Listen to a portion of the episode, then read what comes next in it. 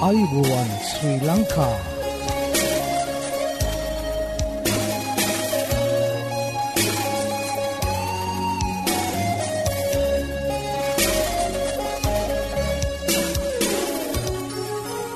ඔබට සුපදවස මේ ඇඩවෙන්ටිස් වර්ල් රේඩියෝ බලාපොරොත්වය හඬයි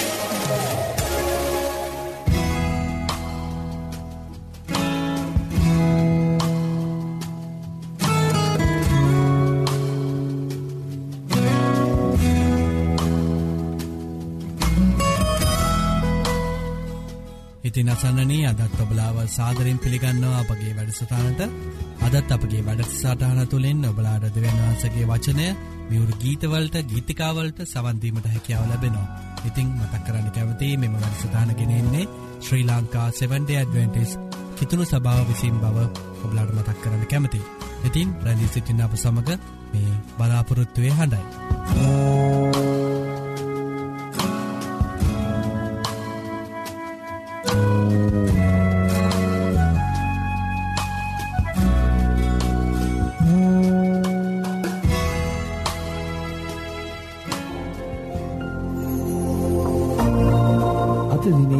බයිබල් පාටය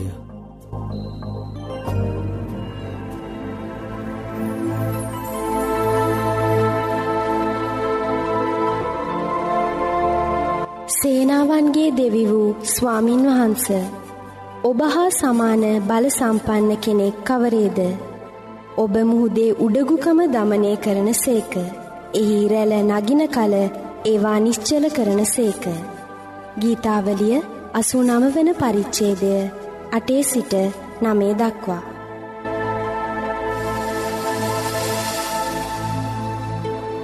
සත්‍යය ඔබ නිදස් කරන්නේ යසාය අටේ තිස්ස එක. මේ සත්‍ය සොයමින් ඔබ අද සිසිින්නේද? එසේනම් ඔබට අපගේ සේවයෙන් පිදින නොමලි බයිබල් පාඩම් මාලාවට අදමැතුල්වන්. මෙන්න අපගේ ලිපිනය ඇඩවෙන්ටිස්වල් රේඩියෝ බලාපොරත්තුවය හඬ තැපැල් පෙටිය නමසේපා කොළඹ දුන්න. ඔබ මේ රැදි සිටින්නේ Sri Lanka Adventist World Radio බලාපොරොත්තුවය හඬ සමඟයි.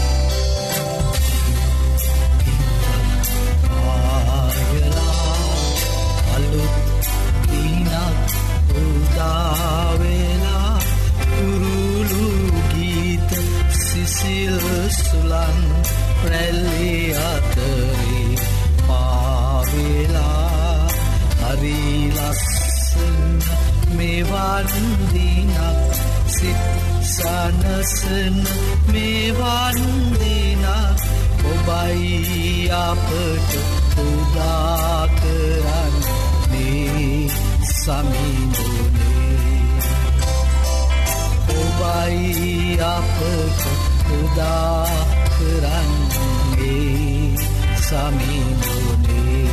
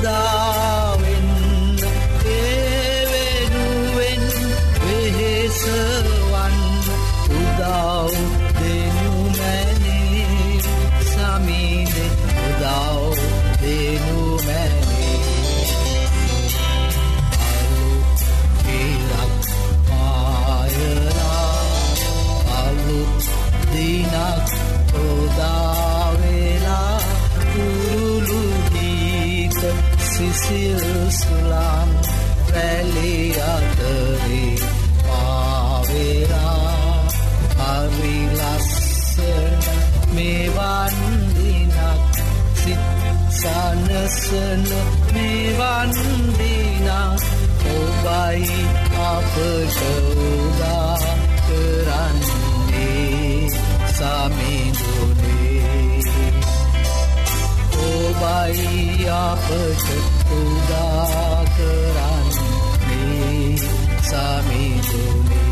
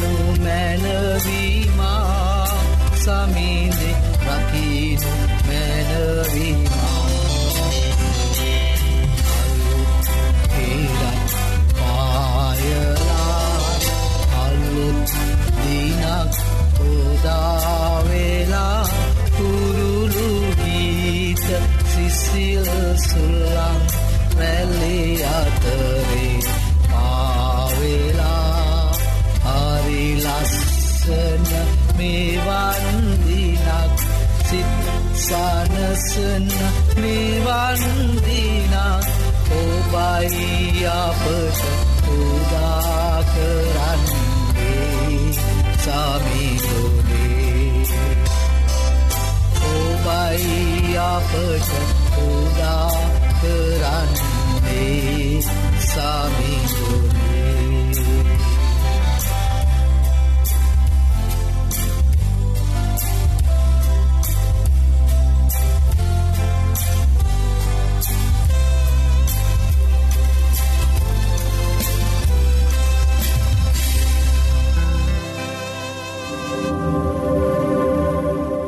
ආයුබෝවන් ඔබ මේ සවන් දෙන්නේ ඇඩවෙන්ටිස් වර්ල් රේඩියෝ බලාපොරොත්තුවේ හඬටයි.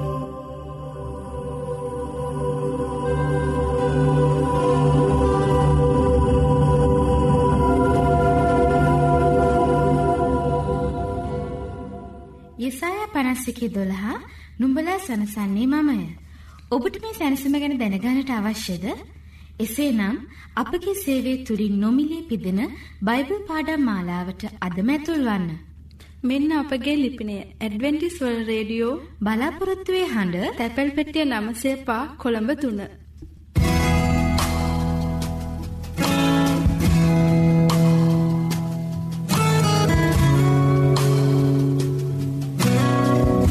ප්‍රියාසන්නනී ඔබලාට ස්තුතිවන්ත වෙනවා අපි සමඟ වැඩී සිටිම ගැන ඉතින් මෙම අවස්ථාවේදී දෙවියන් වහන්සේගේ වචනය ගෙනීමට අදත් චෙරාට් පෙරේරා දෙවගිත්තුමා සැරසී සිටිනෝ ඉතිං අපි යොමුයමු දෙවන් වහන්සේගේ වචනය කරා ඔබලාගේ ජීවිතවලට ආත්මික පෝෂණය ලබාගන්ට මෙම වචනවලින් හැකිවේ යයි මම සිතනවා.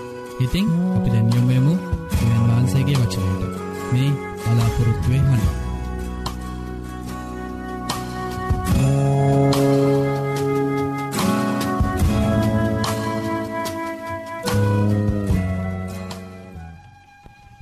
යෝනාගේ කතාව අද අපට ඉතාම වැදගත් වෙනවා.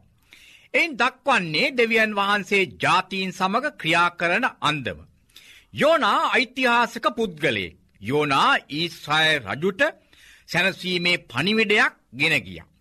ඊස්්‍රයිල් රජුට පමණක් නෙමේ සෙනගට කරුණාවේ පනිවිඩයක්. ඒත් ඔවුන් ඔවුන්ගේ පාපවලින් හැරුණේ නැහැ. දැන් කුමක්ද වුණේ මේ පනිවිඩය අන්න ජාතියන්ට පනිවිඩයක් වුණා. එයින් ඔවුන් තමන්ගේ පාපවලින් හැරුණා. යෝනාගේ පොත පළමුුණ මිෂනාරි පත්‍රය ලෙස හඳුන්වා තිබෙනවා. යෝනාගේ පොත මනුස්්‍ය දුරුවලකම් හා සිත්වල තදකම් පෙන්වා ඇති අතර. දෙවියන් වහන්සේගේ ප්‍රේමණීය සැලකිල්ලද දක්වා තිබෙනවා. යෝනා ගැන අපි විමසිලි මත්ව බැලුවොත් කියන්ට පුළුවන් අකමැත්තෙන් කීකොරුණාව පුද්ගලයෙක් කියා. ඕ දෙවියන් වහන්සේගේ සේවයට පිටත්ව ගිය. නමුත් ඕ පිටත්ව ගියේ දේව ආත්මයෙන් යුක්තව නෙමේ. යෝනා තම පියවරුන්ගේ දෙවියන් වහන්සේව හඳුනන්නාව කීකරුවීමේ ආසිරිවාද දැනසිටියාව කෙනෙක්. නමුත් ඔවු කූර අසරියවරුන්ට සේවය කරන්ට අකමැතිව නිනවයට නොගොස් වෙන අතකට හැරුණා. යෝනා දෙවියන් වහන්සේගේ පනිවිඩයට ඇවුම්කන් නොදී උන්වහන්සේ වෙතින් පැනයද්දි. ලොකු කරදරයකට මූුණ පෑව. මේ අපේ ජීවිතයට හොඳ පාඩමක් වෙනවා. අපි දෙවියන් වහන්සේගේ වැඩ නොකර මගහැර යනවාද එසේ කොළොත් අපටත් නොයකුත් කරදරවලට මූුණපාන්ට සිදුවෙනවා. අපිත් යෝනාමෙන් ස්වර්ගීය ආසිරිවාදවල මාර්ගයයි සිතාගෙන අපගේම මාර්ගවල ගමන් කිරීම පහසුයයි සිතනවා. දිව්‍ය කැඳවීමට මුහුණදීම ඉතා බැරෑරුම් දෙයක්. යෝනා කැඳවීමෙන් ඉවතට හැරුණේ ඇයි. නගරේ විශාල කමද. පනිවිඩය අසනු නොලබේ යන බිය නිසාද. නගරවාසීන්ට තිබූ බිය නිසාද. ජාතිවාදය නිසාද. මිත්‍යලබ්ධික වූ නගරයක් වූ නිසාද.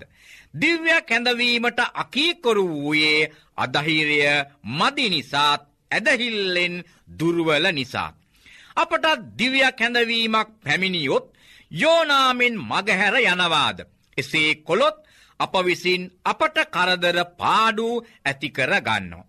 යෝනාගේ කතන්දරය අපට ඉතා වැදගත් වෙනවා. දෙවියන් වහන්සේගෙන් කුමනාකාර පනිවිඩයක් පැමුණුනත් ඒට කීකරුව එය ඇදහිල්ලෙන් බාර ගනිමු. දෙවියන් වහන්සේට මුළු මැවිල්ලම කීකරුවෙන්ට ඕන. දෙවියන් වහන්සේ යෝනාට යන්ට කීවේ නිනවයට. දැන් අපි බලමු නිනවය ගැන. නිනවය පිහිටියේ ටයිග්‍රීස් ගංගාවේ නැගෙනහිර පැත්තේ. එ ගොඩ නැගුවේ නිම්රොත්. එය එකල වූ විශාලම නගරයද අසිරියාවේ අගනුවරද වුණා. ඒ ප්‍රමාණය අක්කර එක්දාස් හයසිය හතලියක්. ජෙරුසල්ලම ගැන බලන අතර එය අක්කර අනුවටත් අඩුයි. නිනවේ නගර හතරක් ඈදා සාදා තිබුණේ. එය මල්වතු පලතුරුවතු තන පිට්ටනි ධාන්‍ය කුඹුරුවලින් සමන්විතව තිබුණා. මේ නිනවය කොතරම් විශාලව තිබුණත් සරුසාරව තිබුණත් එහි විසූ සෙනගගේ තත්ත්වය කෙසේද. නිනවය දුෂ්ට නගරයක්. මිනීමරු බොරුකාර නගරය විනාසයට කැපකර ඇතැයි නාවුම් අනාගත වක්තෘවරයා ප්‍රකාශ කර තිබෙනවා. අද සමහාරය උදම් අනනවා ලෝකයේ විශාලම නගරය අපගේ නගරය බලයෙන් යුක්තයි. ආරක්ෂා සහිතයි කියා. නමුත් දෙවියන් වහන්සේ ඊට ප්‍රසන්න වන්නේ නැහැ. සෙපනියා මෙසේ ප්‍රකාශ කරනවා. ප්‍රීතිමත්ව අප්‍රවේශමෙන් වාසය කරමින් තවත් කෙනෙක් නැතුව මමම සිටිමී සිත තුළ සිතාගන්නාව නුවර මේය. ඒක පාළුවද්ද මුර්ගයන් ලගින තැනක්ද වූ හැටි ඒ ලගින් යන හැම දෙනාම කවටකම් කර අතසොලවනවා ඇත. යෝනා තම පියවරුන්ගේ දෙවියන් වහන්සේව හඳුනන්නාව. කීකොරුවීමේ ආසිරිවාද දැන සිටියාව කෙනෙක්. නමුත් ඔහු කූර අසරියවරුන්ට සේවය කරන්ට අකමැතිව වෙන අතකට හැරුණ. යෝනාව කැඳෙව්වේ නැගනහිර දෙසට යන්ට. නමුත් ඔහු නැවට නැගී ගමන් කළේ බටහිර දෙසට. යෝනා නැවේ අඩියේ සැඟවී නිදා සිටියම්. මේ අතර විශාල කුණාටුවක් හමන්න පටන් ගත්ත. බියටපත් නැවියන් යෝනාගෙන් ප්‍රශ්න කරන්ට පටන් ගත්ත. එවිට යෝනා මුහුද මැවූ තැනන් වහන්සේ ගැන නැවියන්ට කියා දුන්න. ඒ විතරක් නොවේ තම වගකීමෙන් පැනයන බව ලැජ්ජාවෙන් කියා සිටිය. කුණාටුවාවේ තමාව ආපසු ගෙනයන පිණිස බව යෝනා දැනගත්ත. බලන්න අන්න ජාතිකයන්ට යෝනාව පුපුදුවන්ට අවශ්‍ය වුණා. අපත් අවට සිටින්නන්ගේ අවශ්‍යතා සම්බන්ධයෙන් අපගේ සේවය මත නිදා සිටිනවාද. යෝනාව කැඳවනු ලැබුවේ දෙවියන් වහන්සේ ඔහුට රැගෙනයන්ට තිබුණේ උන්වහන්සේගේ පනිවිඩය. ඊටත් වඩා සහතිකයක් තවත් වුවමනා නැහැ. අවසානයේ නැවියන් යෝනාව මුහදට විසි කලා. ඒ මෝතේ මුහුද නිශ්ෂල වුණා. ඇත්තටම මේ අවස්ථාවේ නැවියන් ක්‍රියා කළ ආකාරය හරිද. ඔවු ඒ වේලාවේ ක්‍රියාව තමයි අවශ්‍ය. ස්වර්ගීය දෙවියන් වහන්සේ අපටත් යමක් කියන විට. අප නිස්සද්ද නොවී ක්‍රියාත්මක වෙමු. මහත් කුණාටුව යෝනාගේ සාක්ෂිය. කුණාටුව නිශ්සෙලවීම යන මේ සියල්ලම ජීවමාන දෙවියන් වහන්සේට නමස්කාර කිරීමට නැවියන්ගේ සිත් හැරුණ. අකීකරු සේවකයාගේ ගැලවීමට ගත් පුදුම ක්‍රමය ගැන සිතන්න. මෙය අපගේ ජීවිතවලට ඉතාම වැදගත් වෙනවා. යෝනා ගැඹුරු තද අඳුරේ දෙවියන් වහන්සේගේ ආලෝකය දුටුව. ගොඩදී දෙවියන් වහන්සේ ඉදිරියෙන් සැඟවෙන්ට උත්සාහ කළා. නමුත් දැන් ගැඹුරේදී උන්වහන්සේගේ දර්ශනයෙන් පිරිත සිටින්ට බය වුණා. යෝනාව දෙවියන් වහන්සේ ඉවත දැම්වේ නැහැ. මුහදපත්ලේදී ඔවු නැවත සේවයට හඬගසනු ලැබීමටත් සේවේ යොදනු ලැබීමටත් කැමැති වුණා. එයින් අපට පෙනී යනව දෙවියන් වහන්සේ තවත් ඔහුට අවස්ථාවක් දුන්න.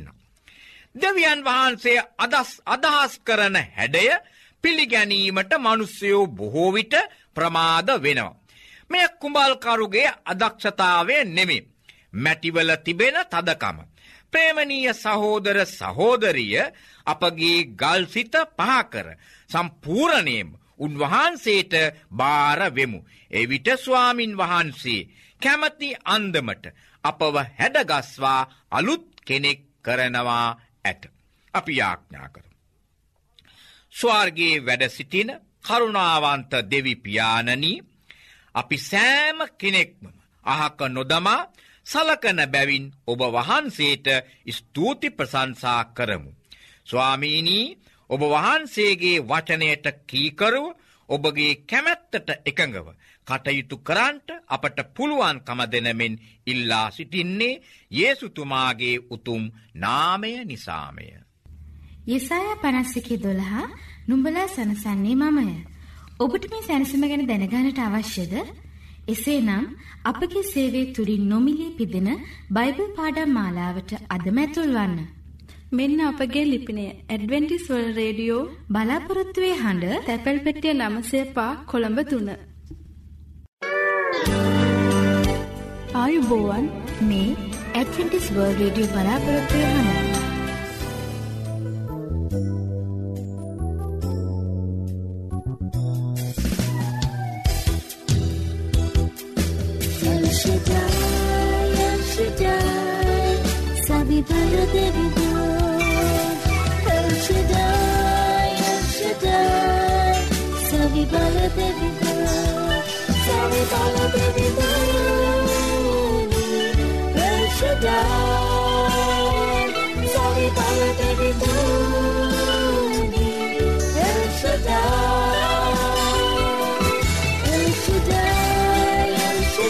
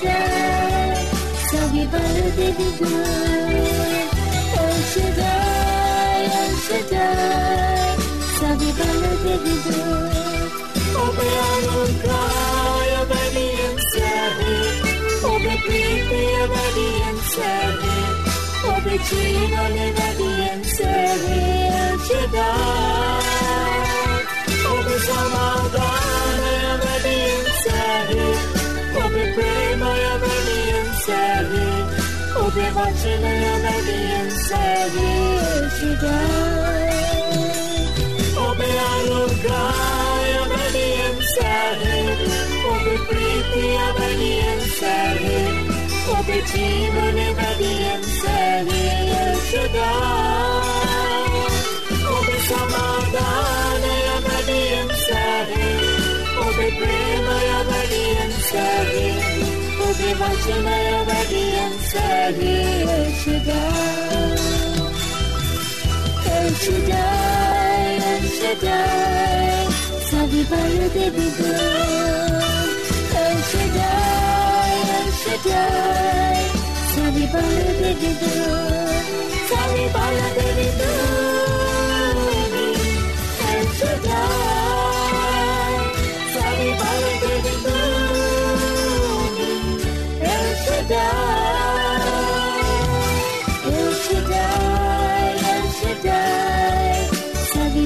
baby girl. El Shaddai, El Shaddai, Savvy Balu, baby.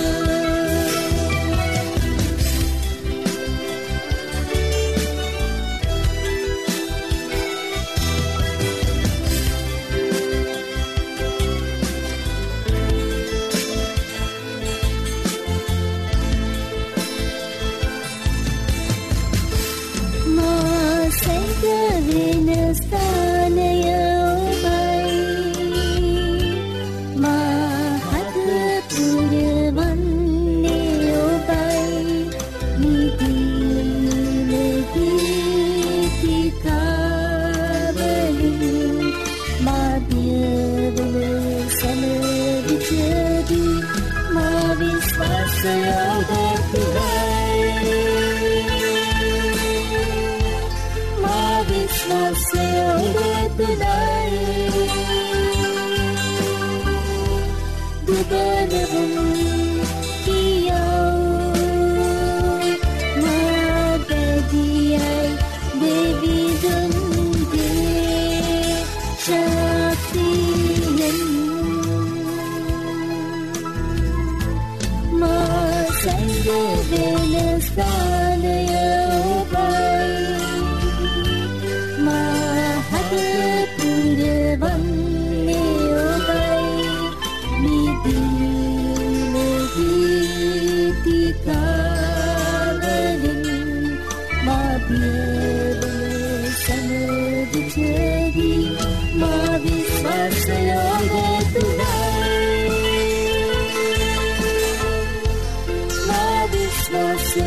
Thank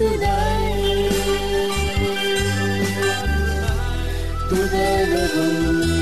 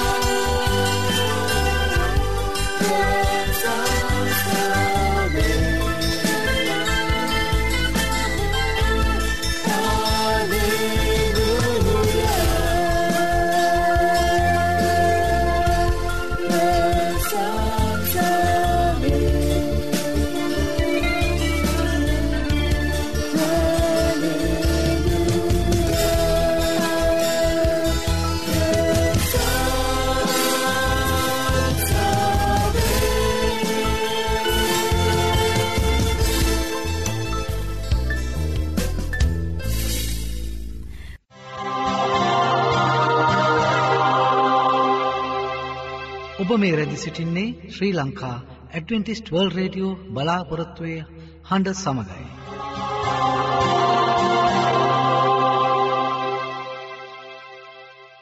ධෛර්ය බලාපොරොත්තුව ඇදහිල්ල කරුණාවසා ආදරය සූසම්පත වර්ධනය කරමින් ආශ් වැඩි කරයි. මේ අත්හදා බැලිමිට ඔබ සූදානන්ද එසේනම් එකතු වන්න. ඔබත් ඔබගේ මිතුරන් සමගින් සුවසතර පියමත් සෞඛ්‍ය පාඩම් මාලාවට. මෙන්න අපගේ ලිපිනය ඇඩවෙන්ටිස් වල් රේඩියෝ බලාපොරොත්තුවේ අඩ තැපැල් පෙටිය නම්සේ පා කොළඹ තුන්න. නැවතත් ලිපිනය ඇඩවෙන්ටිස් වර්ල් රේඩියෝ බලාපොරොත්තුවේ හඬ තැපැල් පෙට්ටිය නමයයි බිඳුවයි පහ කොළඹ තුන්න.